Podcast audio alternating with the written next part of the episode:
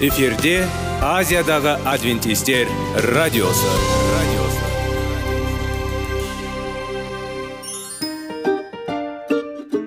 сәлем достар. Денсаулық өмір бұлағы және біздің бірінші байлығымыз демекші денсаулық сағаты рубрикасына қош келдіңіздер. Біздің рубрикада біз әртүрлі факторларменен мәліметтерменен кеңестерменен бөлісіп шын жүректен сіздердің дендеріңіз сау болғанын қалаймыз. Сол үшін біздің рубрикаға қош келдіңіздер. Дайындалып тұрыңыздар. Өйткені келесі минуттарда қызықты фактілерге ие боласыздар. Енді достар ең бірінші байлығымызды қолымызға алып алға кеттік.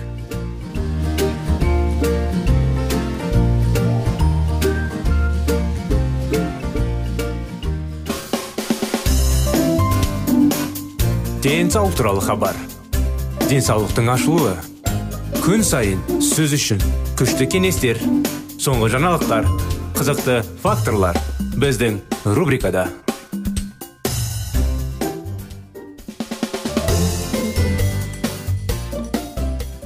қытай зерттеулер тақырыбы. Денсаулық сағат бағдарламасында құрметті достар құрметті біздің тыңдаушыларымыз.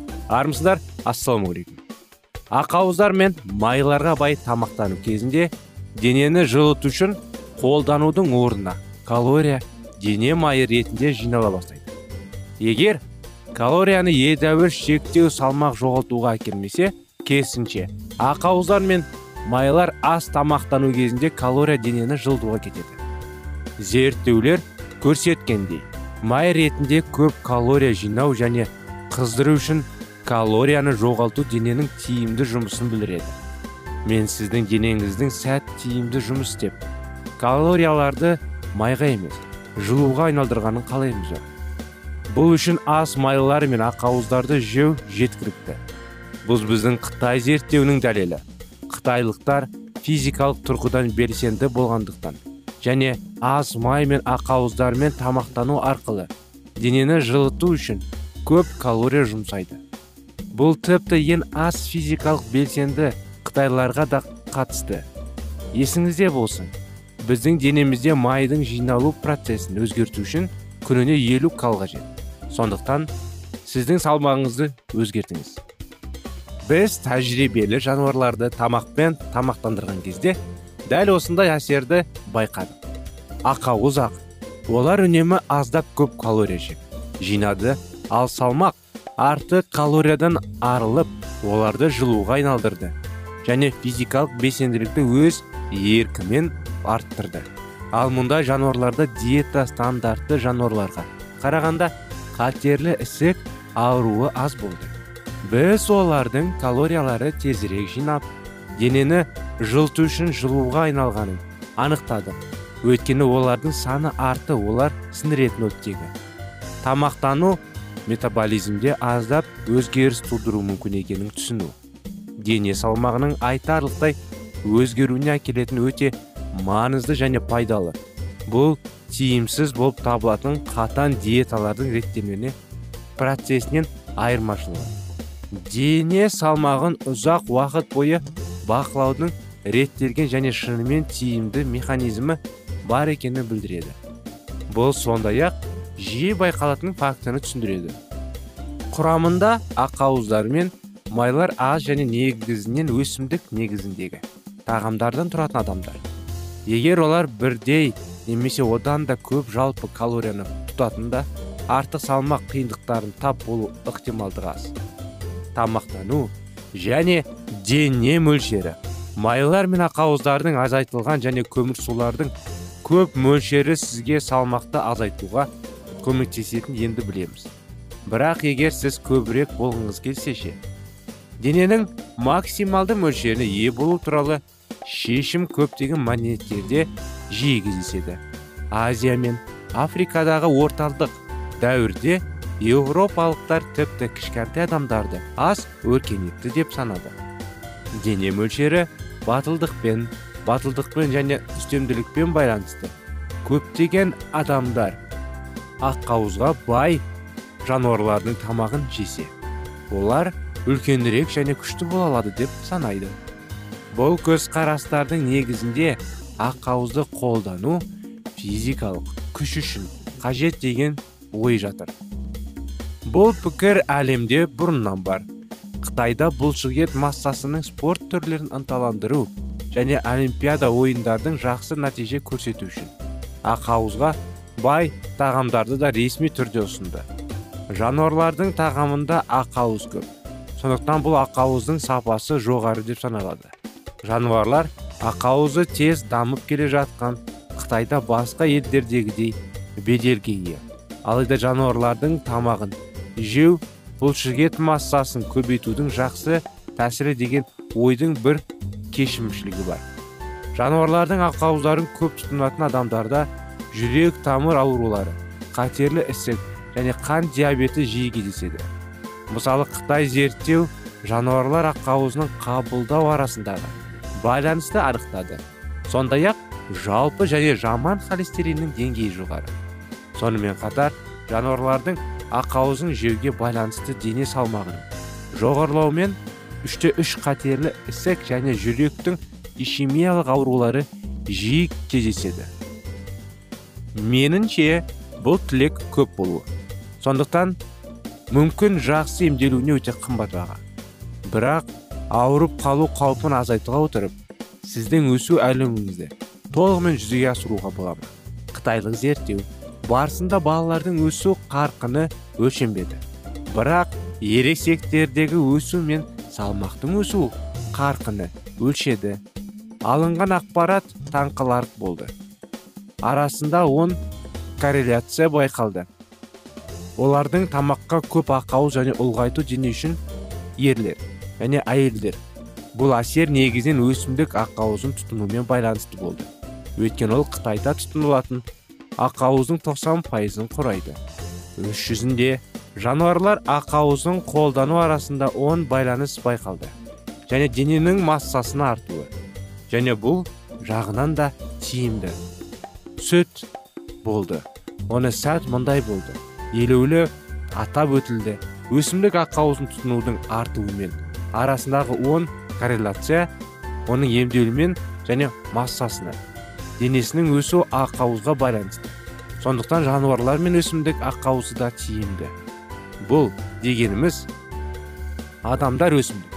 Негізіндегі диетаны ұстану арқылы олардың өсу мен дене салмағының генетикалық әлеуеттік жүзеге асыра алады неліктен тамақтануда жануарлардың тамағы өте аз немесе мүлдем жоқ дамушы елдердің тұрғындары әдетте батыс елдердің тұрғындарынан қарағанда аз. Осындай сұраққа да ол басқа да анықтамаларды келесі бағдарламада білуге тырысамыз құрметті достар. Бүгінге осы бағдарламамыз аяғына келді. Жалғасын келесі бағдарламада жалғасамыз. Сол уақытқа дейін сау сәлемет болыңыздар.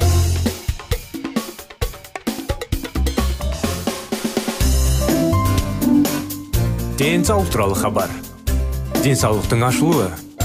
Күн сайын сөз үшін күшті кеңестер соңғы жаңалықтар қызықты факторлар біздің рубрикада.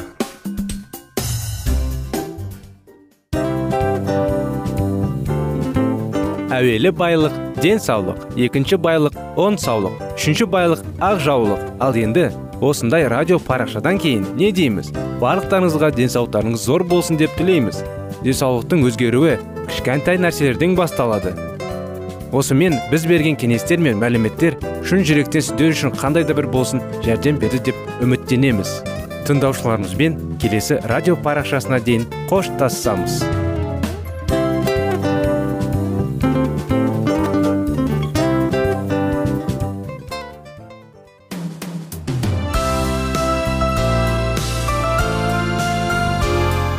эфирде азиядағы адвентистер радиосы.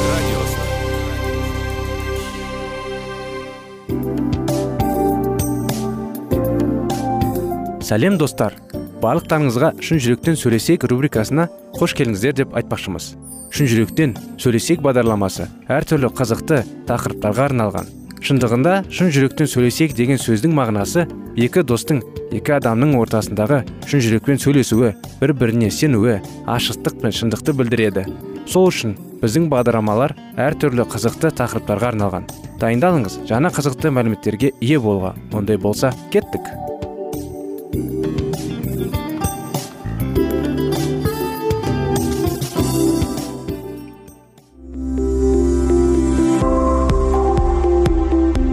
алтын сөздер. Сырласу. Қарым қатынас жайлы кеңестер мен қызықты тақырыптар. Шын жүректен сөйлесейік рубрикасында.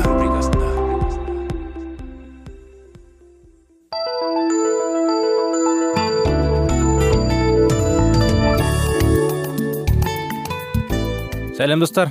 Қош келдіңіздер. Біздің шын жүректен сөйлесейік бағдарламамызға. Келіңіздер бірге шын жүрекпен сөйлесіп сіздердің назарларыңызға керемет 25 неке оқиғаларын жалғастыра кетейік. Қымбатты бауырластарым дейді киелі кітапта. Өздерінің от кешін ауыр азап шегіп сынылғандарыңды оғаш нәрсе деп ойламаңдар. Қайта неғұрлым көбірек мәсіх секілді азап шексеңдер соғұрлым көбірек қуаныңдар. Сонда мәсіх салтанатты ұлылықпен қайта оралып ашық көрінген кезде шаттанып қуанатын боласыңдар.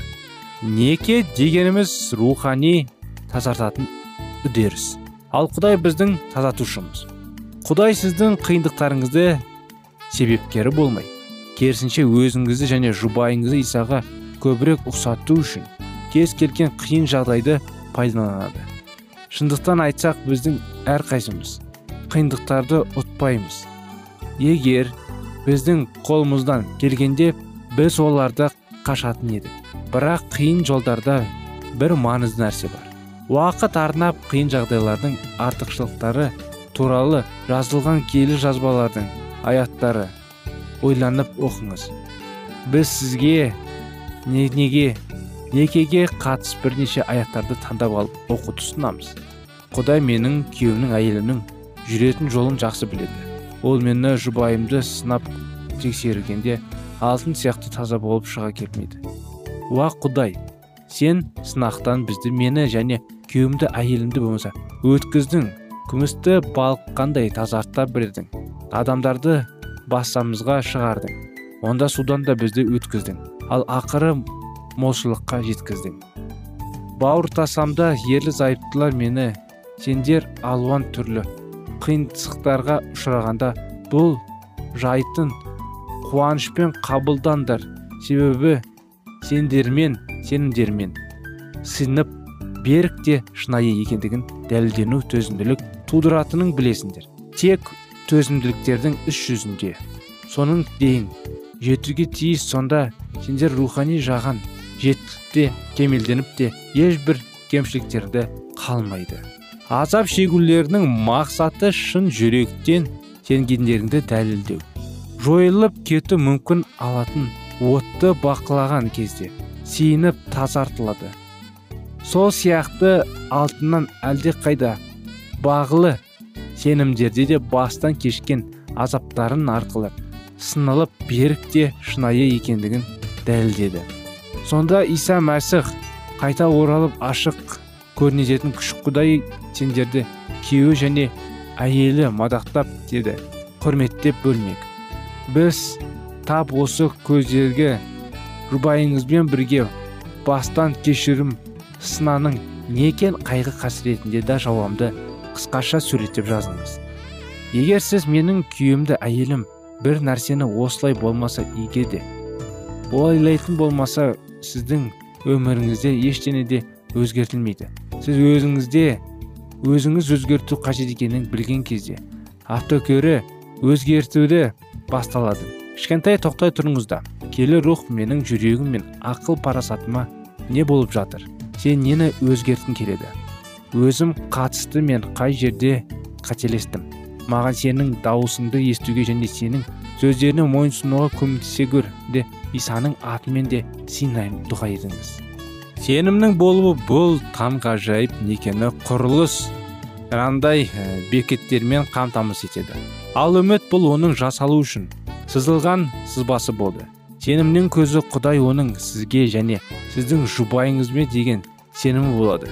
Егер сіз оған сенім артсаңыз ол сізге өзін сызбасын және сіздің амандығыңызды ерлі зайыптылар одағы құруға күш қуат береді.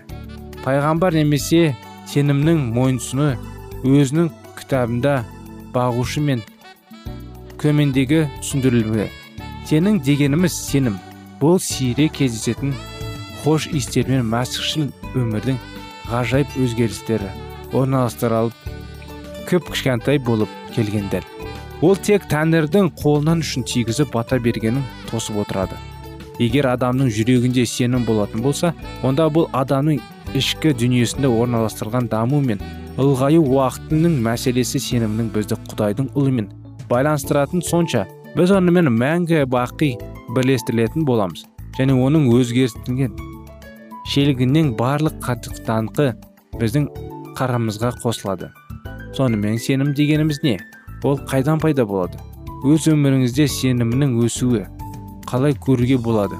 Осы күндізгілерді тен сізге нені ашып беруге жазып алыңыздар. Мінекей осындай әрине сізге сеніммен бірге үміт те қажет болады. Бұл ерлі зайыптылар одағы үшін құдай жасап берген сызбасы. Аздап бөгеле тұрысыңызда келісімдікке мінәжат етіңіз дұғаны оқыңыз тәңір ие маған және менің әйеліме күйеуіме біздің немекемізге арналған құдайдың жаңағыдай диаграммасын кестесін салшы. Сен ыбырайымға аспаларды жұлдыздармен бір алды өмір сүретін өмір сүретін сипатта бергендей біздің жүрегімізге бізге түсінікті болатын және мәңгі бақи есте қалатын бейнені қызып берші. Иса мәсіх атынан аумин қараңыз дандығында тыңдаңыз және тәңірдің сізге не ашып беретінін жайлы жазып алыңыз сенім сенім мен үмітті алу үшін сізге қажет болатын тағы бір адамның адамгершілік аңғаратын сөздер болады. Бұл бой бой ұсынушылық мойындау айындалғамдау уа тәңір ие мен сенсіз ештеңе де істей алмаймын. Алайда сенің бірге барлық нәрсені жасау қолымнан келеді деді. Егер сіздің жүрегіңізде мойындау орналастырып болса онда құдайдың сіздің некеге арналған бірақ жоспарлықтарға есек айтқары ашық болады. Осымен әрине бағдарлама бүгінгі күнге аяғына келіп жетті. Сіздерді келесі бағдарламада күтеміз. Келесі жолға дейін сау болыңыздар.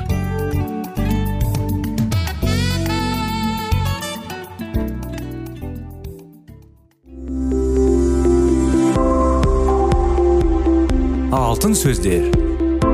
Сырласу. Қарым қатынас жайлы кеңестер мен қызықты тақырыптар. Шын жүректен сөйлесейік рубрикасында.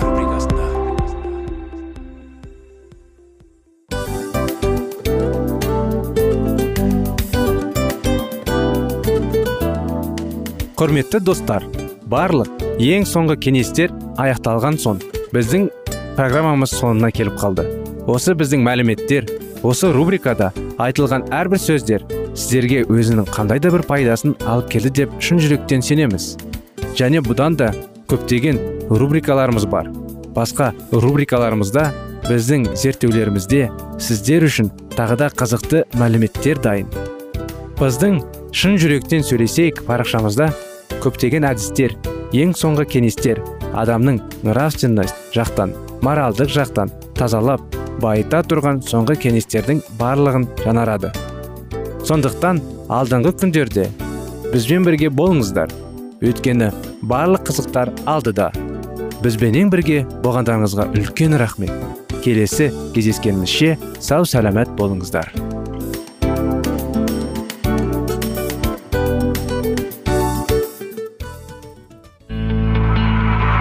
Жан дүниеңді байытқан жүрегіңді жаңғыртқан өмірдің мағынасын ойландырған рухани жаңғыру рубрикасы.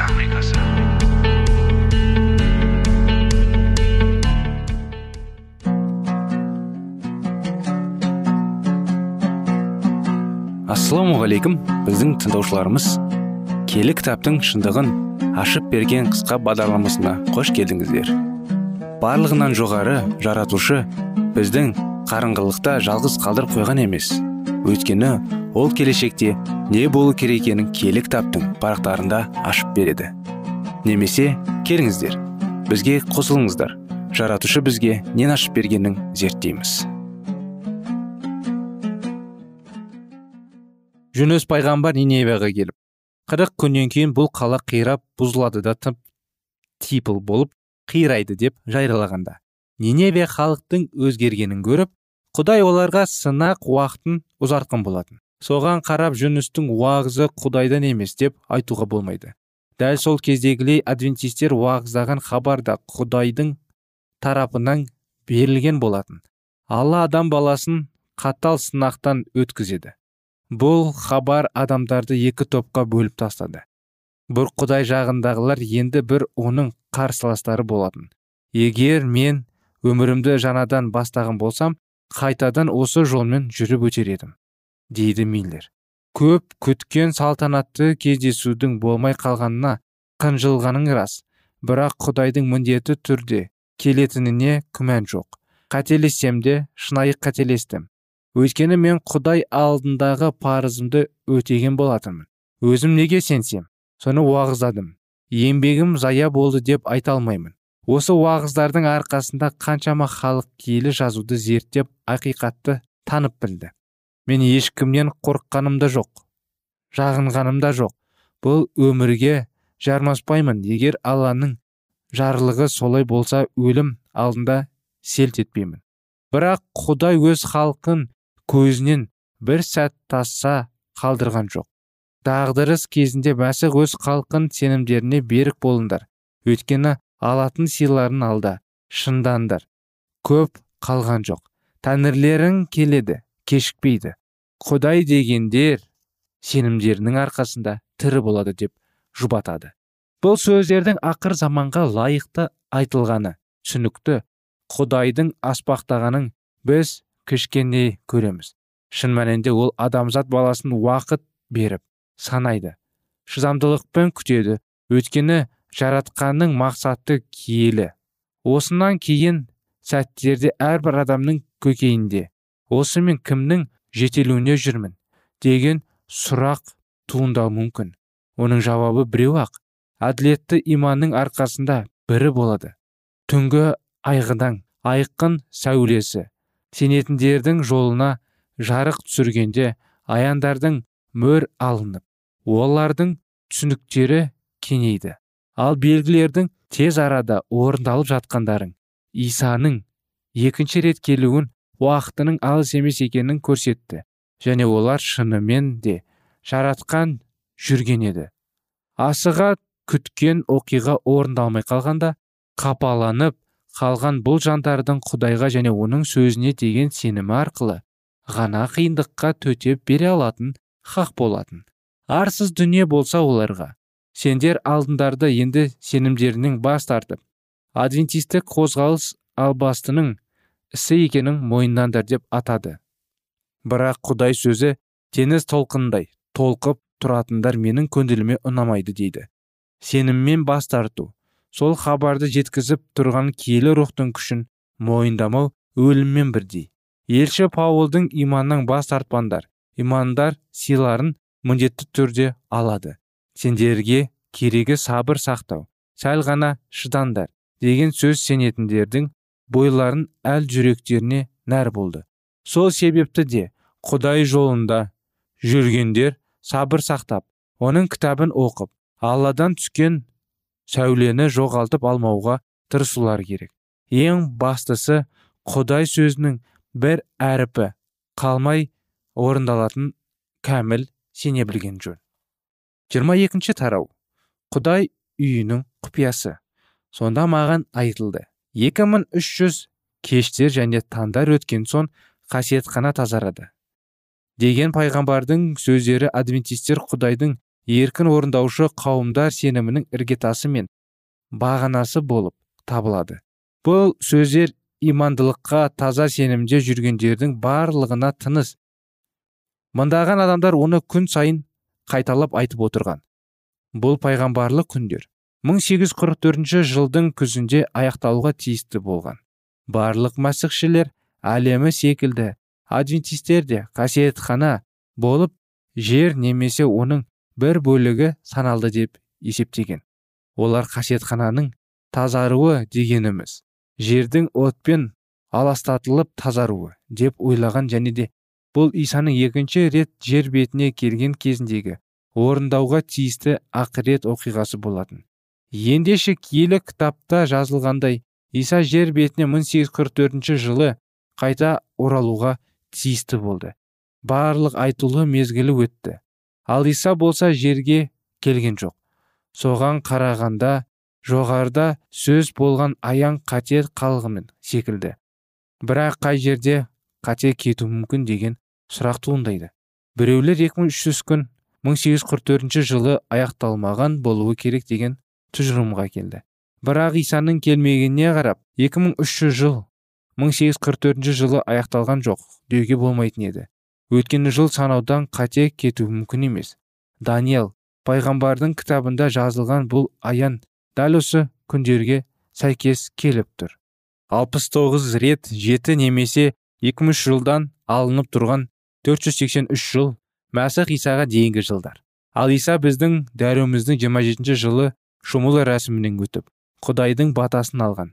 Жетпіс рет жетінің ортасында мәсіх өлуге тиісті болды. Иман келтіріп суға шомылу рәсімінен өткеннен кейін үш жарым жылдан соң иса мәсіх 31 жылдан көктем айында айқыш ағашқа керілді.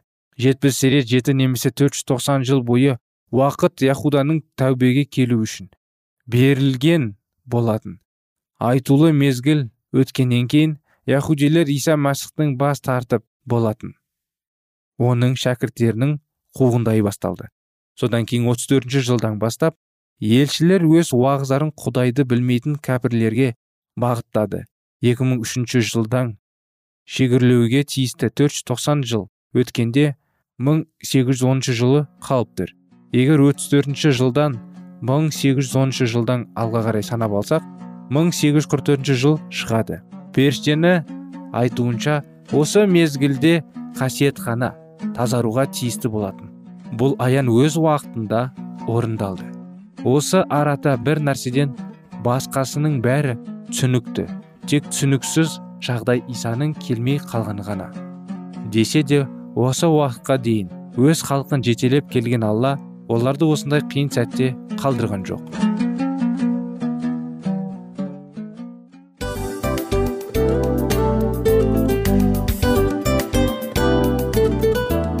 Мынау осы уақыт тез өтіп кетеді екен. Біздің бүгінгі рубрикалардың аяғына да келіп жеттік. Ақпаратымызды парақшамызды қазір ғана бастаған сияқты едік. Соңында да келіп қалдық. Уақыт деген тегі білінбей өтіп кетеді екен. Бүгінгі 24 сағаттың алтындай жарты сағатын бізге бөліп арнаған үшін рахмет. Егерде өткен сфераларда пайдалы кеңес алған болсаңыз біз өзіміздің мақсатқа жеткеніміз. Кеңестерді қолданам десеңіз өзгерістерді кішкентай қадамдардан бастап іске асыра беріңіздер де жасағандарыңыз үлкен үлкен жетістіктерге жете берсін. Шын жүректен әрбір берілген кеңестер сөздер сіздерге пайдасын әкеледі деп сенеміз. Сіздермен бірге кездесулерімізді сөзсіз түрде асыға күтеміз. Сәтті күн тілеп сіздер менің ұзаққа қоштаспай келесі кездескенімізше тек қана сау саламатты болыңыздар дейміз. Достар біздің бағдарлама бойынша сұрақтарыңыз болса әрине сіздерге керекті анықтама керек болса біздің whatsapp нөмірімізге хабарлассаңыздар болады. Плюс бір үш жүз бір жеті жүз алпыс алпыс жетпіс. Иә достар сіздер қателеспедіңіздер бұл біздің номерлерге ұқсас болмаса да бұл whatsapp номер арнайы.